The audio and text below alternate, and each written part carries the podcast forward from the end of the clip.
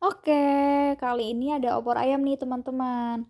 Kalian pasti udah nggak asing lagi dong sama opor ayam dan pasti kalian udah sering makan dong. Nggak mungkin nggak dong, karena opor ayam ini kan makanan khas yang udah terkenal banget nih di Indonesia. Biasanya nih di daerah aku ya teman-teman, itu masak opor ayam tuh pas lebaran. Ya walaupun hari-hari biasa juga tetap boleh sih masak opor ayam, cuman biasanya tuh opor ayam disajikan untuk uh, kudapan pas hari lebaran teman-teman sebagai makanan utamanya. Nah, kalau di Jawa sendiri teman-teman, itu ada dua, dua macam opor ayam.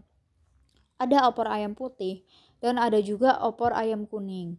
Nah, yang setahu aku nih ya teman-teman yang udah pernah aku makan, kalau opor ayam putih itu kuahnya tuh lebih sedikit kental dibandingkan dengan opor ayam yang kuning teman-teman. Dan biasanya kalau opor ayam putih itu dimasaknya sama emak-emak atau ibu-ibu dari Tionghoa